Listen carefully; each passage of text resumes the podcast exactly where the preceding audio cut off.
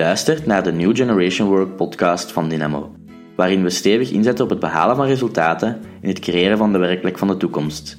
In deze podcast verdiepen we inhoudelijke thema's, reiken we je praktische modellen aan en geven praktijkvoorbeelden. Wij geloven dat je best met kleine stappen jouw New Generation Work verhaal schrijft.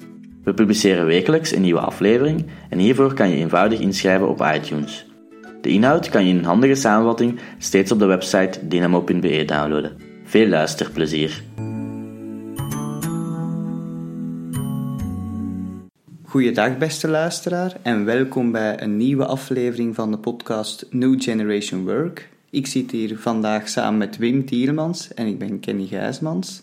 Wim, we gaan het vandaag hebben over jouw boek, namelijk Slim Interviewen. Ja, dat is een goed idee. Slim interviewen eerst en vooral gaat, over, gaat vooral over het juist inschatten van attitudes.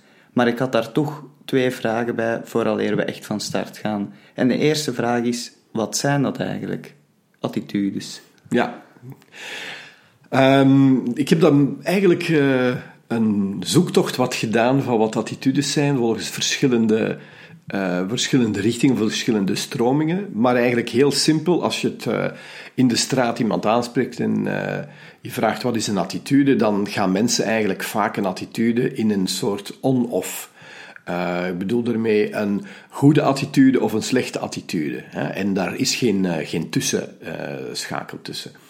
de sociaal psychologen die gaan attitudes inschatten door een soort voorkeur of afkeur te gaan benoemen rond een attitude-object. Maar dat was heel moeilijk als het gaat over een persoon om in te schatten, om dat gaan toe te passen. Omdat je dan telkens aan iemand, ten opzichte van een attitude-object, moet uh, vragen van vind je dat goed of niet. Hè? Zeg maar wat, Leuven, vind je dat een leuke stad of geen leuke stad?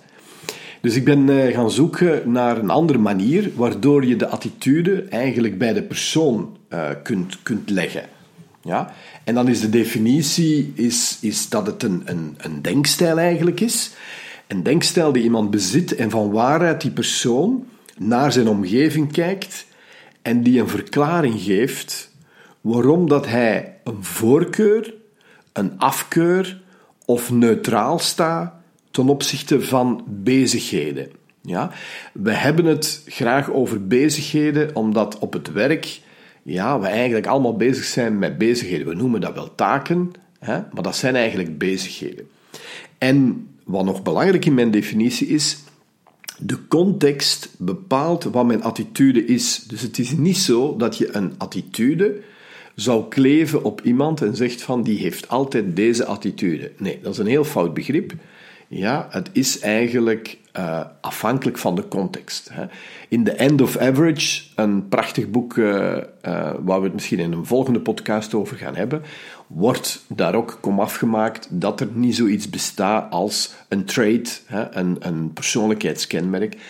Um, en ik ga daar in mijn boek eigenlijk ook uh, rekening mee houden vanuit, vanuit die context. Ja, dus dat was de definitie van een attitude. Ja, ik weet niet of dat helder voor jou uh, ja, ja, ja, absoluut. Ik heb okay. het boek, en, maar ik heb het boek gelezen en ik moet ook zeggen, het boek gaat ook wel over meer dan alleen het juist inschatten van attitudes, toch? Ja, ja. Wel, in, ik ben begonnen met het boek te schrijven en de attitudegerichte interviewmethode uh, te beschrijven, maar aangezien dat uh, in de opleidingen die ik dan al, al acht jaar uh, uh, gaf, komt heel vaak ook vragen die ruim, die het, ruim, ruimer exploreren van waarom, ja, waarom attitudes, um, is dat wel juist? En, en, en die, die, die kadering, die, die ben ik eigenlijk gaan zoeken steeds om daar een betere plaats te geven voor wat in de meeste gevallen in organisaties gebruikt wordt, het competentiegericht interviewen. Uh, meer en meer is men van bewust dat dat niet genoeg is. En daarom is er iets extra nodig en dat is een antwoord, het attitudegericht interview. En dat verdiepen ben ik eigenlijk uh, uh, ja, een, een antwoorden trachten te gaan zoeken. Ja, en in je boek geef je daar elf redenen voor van waarom we beter zouden slim interviewen. En misschien interessant is nu om er enkele uit te pikken en, en daarover iets te zeggen. De eerste die dat ik persoonlijk interessant vond, is dat een gesprek zal nooit weggaan. Ja. Ondanks de tijdsgeest waarin we nu misschien leven. Ja. Ehm, ze, met alle digitalisering die eraan komt, zal een gesprek wel op een andere manier gaan, gaan gebeuren. Ehm, er zullen ook eh, bepaalde dingen zullen geautomatiseerd worden.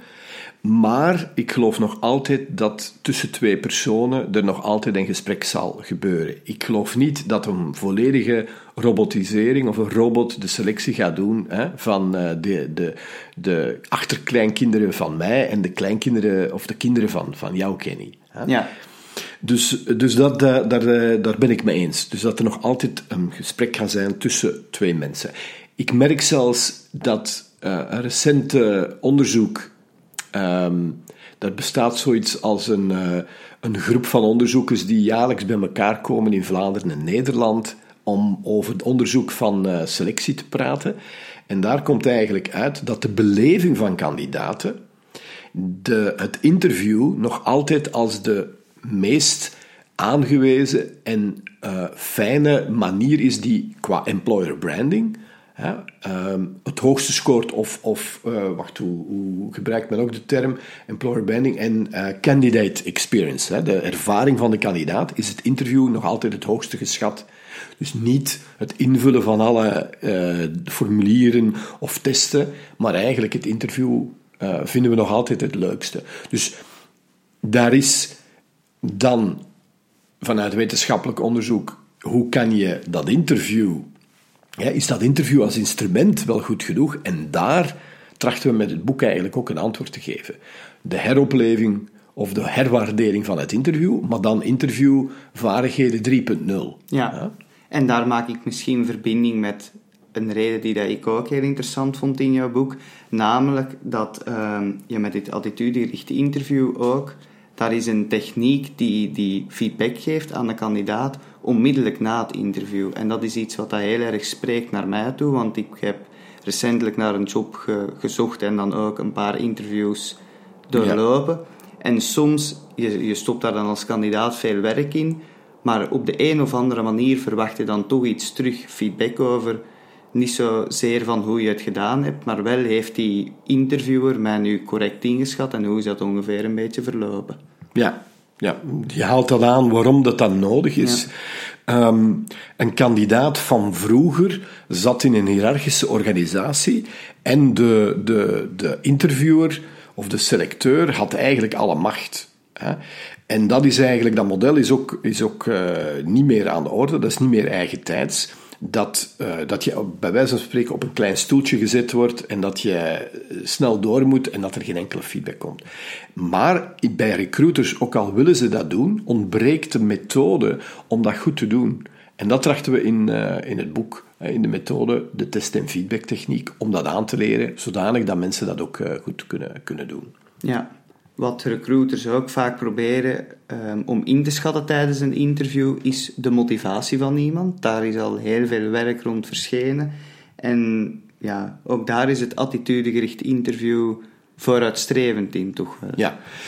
Um, uit, mijn ervaring, ook met, opleidingen rond competentiegericht interview en, en het observeren van interviewers, is dat meestal motivatie eh, drie manieren, eh, er zullen er meerdere zijn, maar de drie meest voorkomende is de vraag van wat motiveert u om bij ons te willen werken, eh, hoe enthousiast zijn eh, mensen en observatie van het non-verbaal gedrag en heeft de persoon informatie opgezocht over het bedrijf.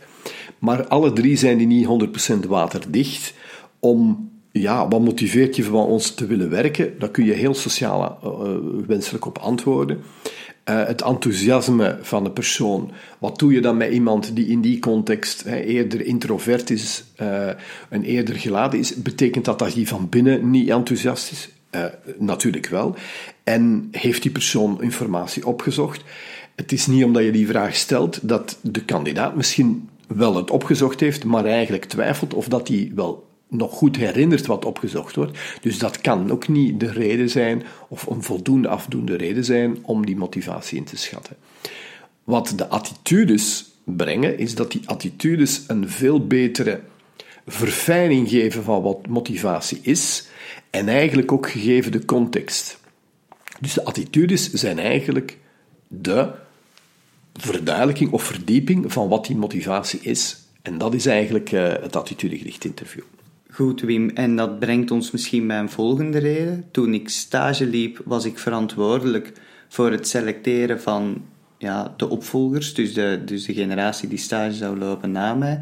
En ik merkte daarin dat ik het moeilijk vond om tijdens dat selectieproces om te gaan met bepaalde vooroordelen die dat ik had. Dus om mij daar niet door te laten beïnvloeden. Ja, en dan wordt ook vaak ja, gezegd in alle werken erover dat we daar niet mogen ons laten doorleiden. Maar dat is een verkeerde inschatting. Je kunt niet als mens dat afzetten, want dat is juist wat dat mens ons, ons differentieerde van, van de apen. Het feit dat we die vooroordelen hebben, heeft ons eigenlijk als specie gered. Dus we kunnen dat niet afzetten. We moeten alleen maar accepteren dat we dat hebben en we moeten workarounds, we moeten ons, ons een methode aanreiken waardoor we daar minder eh, last van hebben. Ik heb heel veel gehaald uit het, eh, uit het boek van Blindspot om eigenlijk te lezen en te begrijpen wat de functie van die vooroordelen is. dus ehm, de manier om daar een oplossing rond te bieden is eigenlijk heel simpel. Is door gewoon een structuur aan te bieden en die structuur te volgen tot op het einde. En dat ja, accepteert dat je dat hebt, maar door het feit dat je tot op het einde volgt, ga je meerdere zichtpunten inbrengen. En die gezichtspunten die gaan moeten leiden tot een beter resultaat. En dat is eigenlijk het cactusmodel geworden.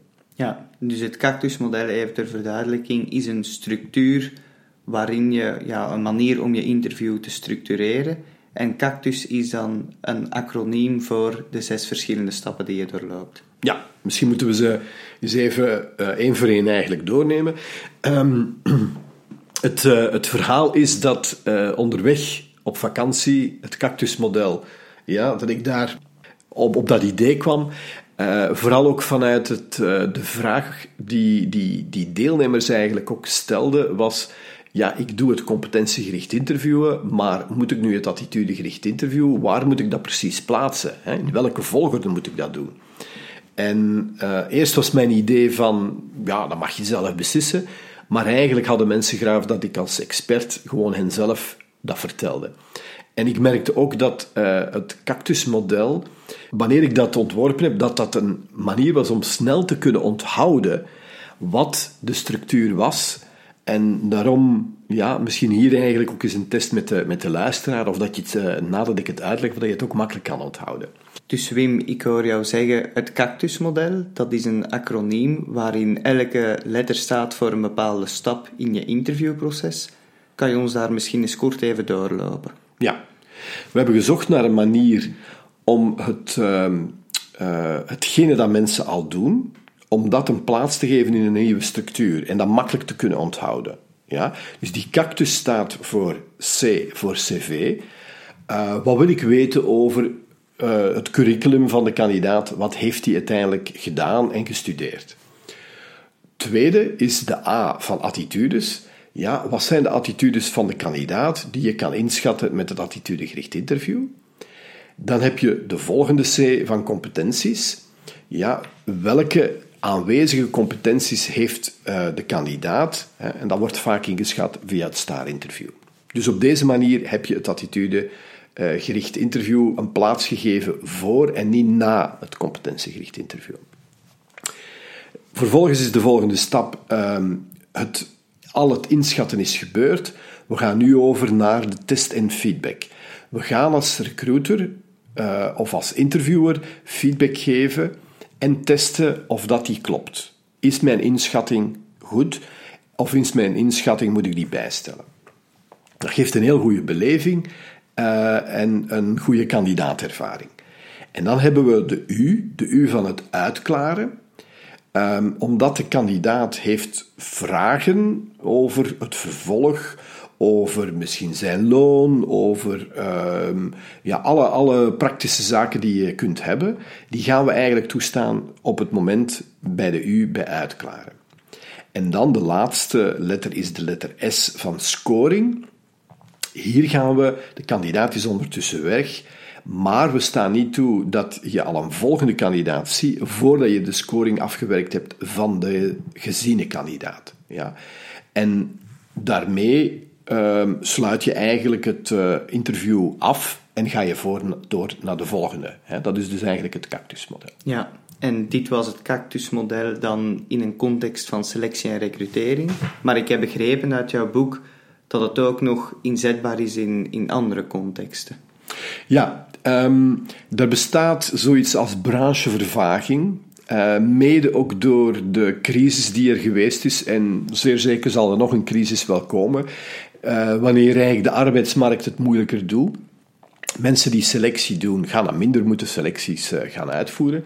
En dan kunnen zij ingezet worden of worden ze ingezet in bijvoorbeeld loopbaancoaching. het cactusmodel is ook een alternatief cactusmodel is ook daarvoor zodanig dat je de ervaring dat je opbouwt, dat je die eigenlijk hergebruikt. Ja. En misschien om nog kort even terug te komen op het cactusmodel in de selectiecontext. Je hebt het daar over het attitudegericht interview en daar gaat onze volgende podcast over. Ja. We geven daar een voorbeeld van een attitudegericht interview. Ja, ik, uh, ik ga jou interviewen, Kenny, uh, het attitudegericht interview, zodanig dat mensen dan toch een beeld krijgen uh, wat zijn de vragen en hoe stel je die? En ook de test en feedback. Ja, dus ik ben volgende keer proefkonijn, als ik het goed begrepen heb. Dat is heel juist. ik uh, kijk er al naar uit. Ik ook. Goed, Wim. Het was een fijne aflevering en tot de volgende keer dan. Ja, je kan uh, de informatie over deze podcast in een handig document downloaden door naar onze website te gaan ja, en al die informatie die vind je hieronder. Maar de website is nog altijd www.dynamo.be. Ja, oké, super. Tot de volgende keer.